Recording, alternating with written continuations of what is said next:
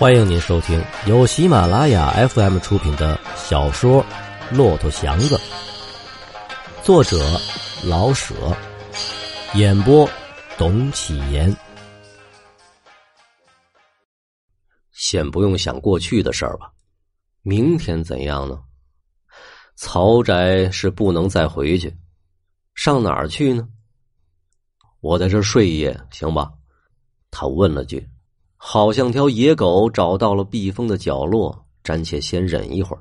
不过就是这点事儿，也得要看明白了，看看妨碍别人与否。哎，你就在这儿吧，冰天雪地的上哪儿去啊？地上行吗？上来挤挤也行啊。祥子不肯上去挤，地上就很好。老程睡去，祥子来回的折腾，始终睡不着。地上的凉气一会儿便把褥子冰得像一张铁。他蜷起腿，腿肚子似乎还要转筋。门缝子进来的凉风像一群小针似的往头上扎。他狠狠的闭着眼，蒙上了头。哎呀，睡不着啊！听着老程的呼声，他心中急躁，恨不得立起来打老程一顿才痛快。哎，越来越冷，冻得嗓子发痒。可又怕把老程咳嗽醒了，睡不着。他真想偷偷的起来到曹宅去看看，反正事情是吹了，院中又没有人，何不去拿几件东西呢？自己那么不容易省下的几个钱被人抢去，为曹宅的事儿被人抢去，为什么不可以去偷些东西呢？为曹宅的事儿丢了钱，再由曹宅给赔上，不是正合适吗？这么一想，他的眼亮起来，顿时忘了冷。走啊！这么不容易得到的钱丢了，再这么容易得来，走。已经坐起来，又急忙的躺下去，好像老程看着他呢，心中跳了起来。不不不，不能当贼，不能！没去做到曹先生所吩咐的，已经对不起人了，怎能再去偷他的呢？不能去。穷死不偷，可怎么知道别人不会去偷呢？那个姓孙的拿走些东西，又有谁知道呢？他又坐了起来。远处有个狗叫了几声，他又躺下去，还是不能去。别人去偷偷吧，自己的良心无愧。自己穷到这样，不能再叫心上多个黑点儿。再说。高妈知道他到王家来，要是夜间丢了东西，是他也得是他，不是他也得是他。他不但不肯去偷了，而且怕别人进去了，真要是在这一夜里丢了东西，自己跳到黄河里也洗不清。他不冷了，手心上反倒见了汗。哎，怎么办呢？跳回宅里去看着？不敢。自己的命是拿钱换出来的，不能再自投罗网了。不去，万一丢了东西呢？嘿，想不出主意。他又坐起来，弓着腿坐着，头几乎挨着了膝，头很沉，眼也要闭上，可是不敢睡。夜是那么长，只没有祥子闭一闭眼的时间。坐了不知多久。主意不知换了多少个，他忽然心中一亮，伸手去推老程。哎，老程，老程，老程，你醒醒！干嘛？老程非常的不愿睁开眼。哎，你撒尿的话，床底下有夜壶。哎，你醒醒，开开灯。有有贼是怎么着？老程迷迷糊糊的坐起来。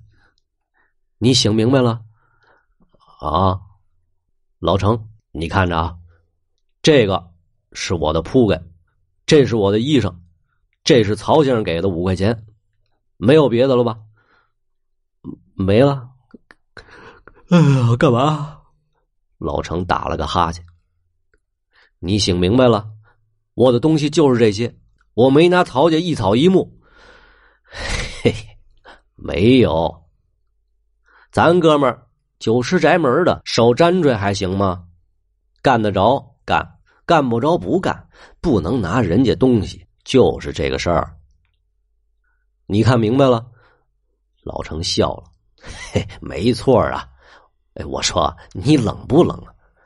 行，因为有雪光，天仿佛亮的早了些。快到年底，不少人家买来鸡喂着，鸡的鸣声比往日多了几倍，处处鸡鸣，大有些丰年瑞雪的景况。祥子可是一夜没睡好，到了后半夜，他忍了几个盹儿，迷迷糊糊的似睡不睡，像浮在水上那样忽起忽落，心中不安，越睡越冷。听到寺外的鸡鸣，他实在撑不住了，不愿惊动老程。他蜷着腿，用被子堵上嘴咳嗽，还不敢起来。哎呀，忍着等着，心中非常的焦躁。好容易等到天亮，街上有了大车的轮子声与赶车人的吆喝，他坐了起来。坐着也是冷，他站起来，系好了纽扣。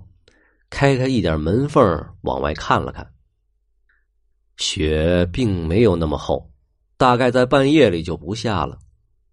天似乎已晴，可是灰漉漉的，看不甚清，连雪上也有一层很淡的灰影。一眼，他看到昨夜自己留下的大脚印儿，虽然又被雪埋上，可是一坑坑的，还是看得很真。一来为有点事儿做，二来为消灭痕迹。他一声没出，在屋角摸着把笤帚去扫雪了。雪很沉，不甚好扫。一时又找不到大的竹扫，他把腰弯得很低，用力的去刮着。上层的扫去，沾地的还留着一些雪粒，好像已经抓住了地皮。直了两回腰，他把整个的外院全扫干净了。把雪都堆在两株小柳树底下，他身上见了汗，暖和也轻松了一些。跺了跺脚，他吐了口长气，很长很白。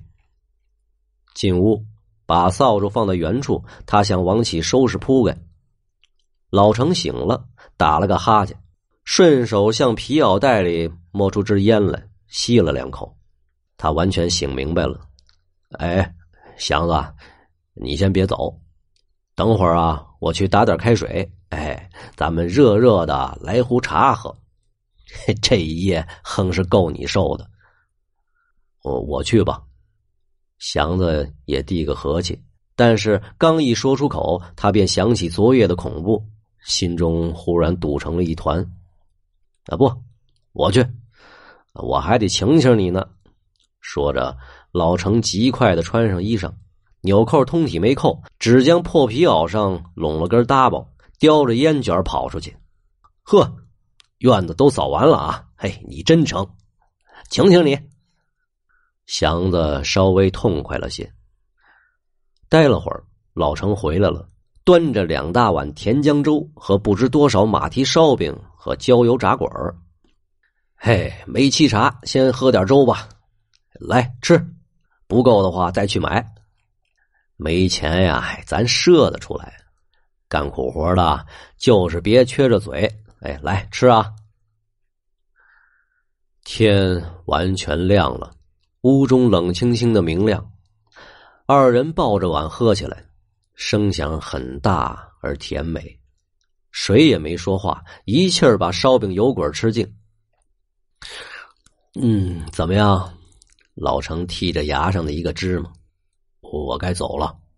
祥子看着地上的铺盖卷儿，哎，你说说，我到底还是没明白是怎么回的事儿啊？老程递给祥子一支烟，祥子摇了摇头，想了想，不好意思，不都告诉老程了。结结巴巴的，他把昨夜晚的事儿说了一遍。虽然很费力，可是说的不算不完全。老程撇了半天嘴，似乎想过点味儿来。嗯，依我看呐，你还是找曹先生去。事情不能就这么搁下，钱也不能就这么丢了。你刚才不是说曹先生嘱咐了你，叫你看事儿不好就跑，那么你一下车就叫侦探逮住了，怪谁呀？不是你不忠心呢，是事儿来的太邪，你没法不先顾自己的命。还叫我看，这没什么对不起人的地方。你去找曹先生去，把前后的事儿啊一五一十都对他实说。我想他必不能怪你，碰巧还许赔上你的钱。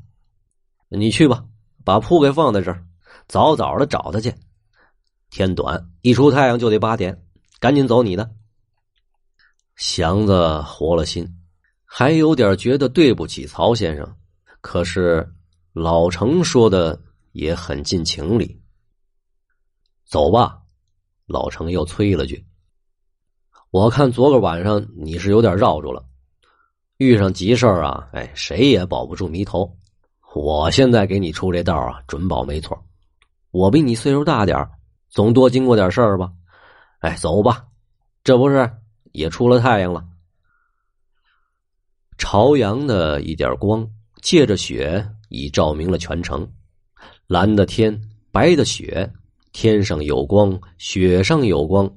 蓝白之间闪起一片金花，使人痛快的睁不开眼。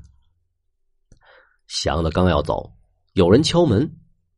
老程出去看，在门洞里叫：“哎哎，祥子，找你的。”左宅的王二鼻子冻得滴着清水，在门洞里跺去脚上的雪。老程见祥子出来，让了句：“哎，都里边坐吧。”三个人一同来到屋里。呃呃呃，那什么，王二搓着手说：“我我来看房，怎么进去啊？大门锁着呢。那那那什么，雪后寒呐，真冷啊。那那什么，曹先生、曹太太呀，都一清早就走了，上上天津，也许是上海，我说不清。左先生吩咐来看房。”那什么，这真冷啊！祥子忽然想哭一场，刚要依着老程的劝告去找曹先生，曹先生会走了。愣了半天，他问了句：“曹先生没说我什么？”那那什么没有，天还没亮就都起来了，简直是顾不得说话了都。火车是那什么七点四十分就开，那什么，我怎么过那院去？啊？王二急于要过去，跳过去。祥子看了老程一眼，仿佛是把王二交给了老程。他拾起自己的铺盖卷来，哎哎，你上哪儿啊？老程问。仁和车厂，没有别的地方可去。这一句话。说尽了祥子心中的委屈、羞愧与无可如何。他没别的办法，只好去投降。一切的路都封上了，他只能在雪白的地上去找那黑塔似的虎妞。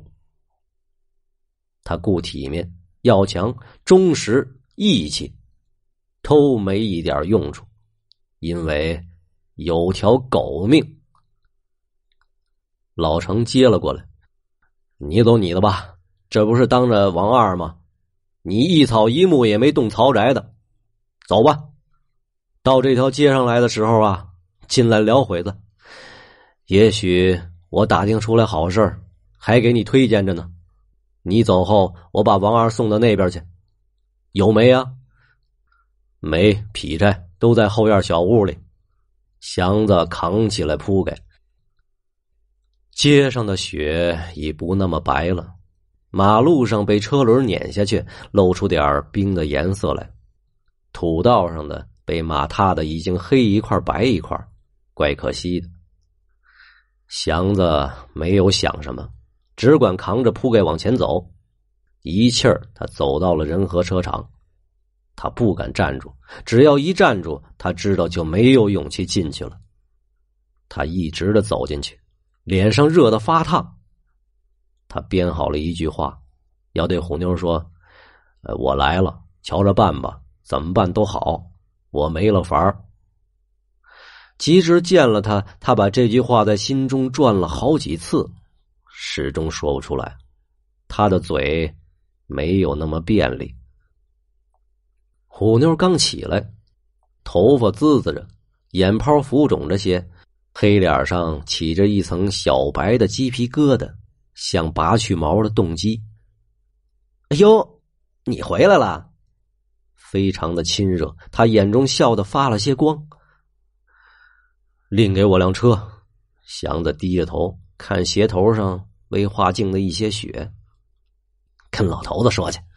他低声的说，说完向东间一努嘴。刘四爷正在屋里喝茶呢，面前放着个大白炉子，火苗有半尺多高。见祥子进来，他半恼半笑的说：“你这小子还活着呢，忘了我了吧？算算。”你有多少天没来了？事情怎么样啊？买上车没有啊？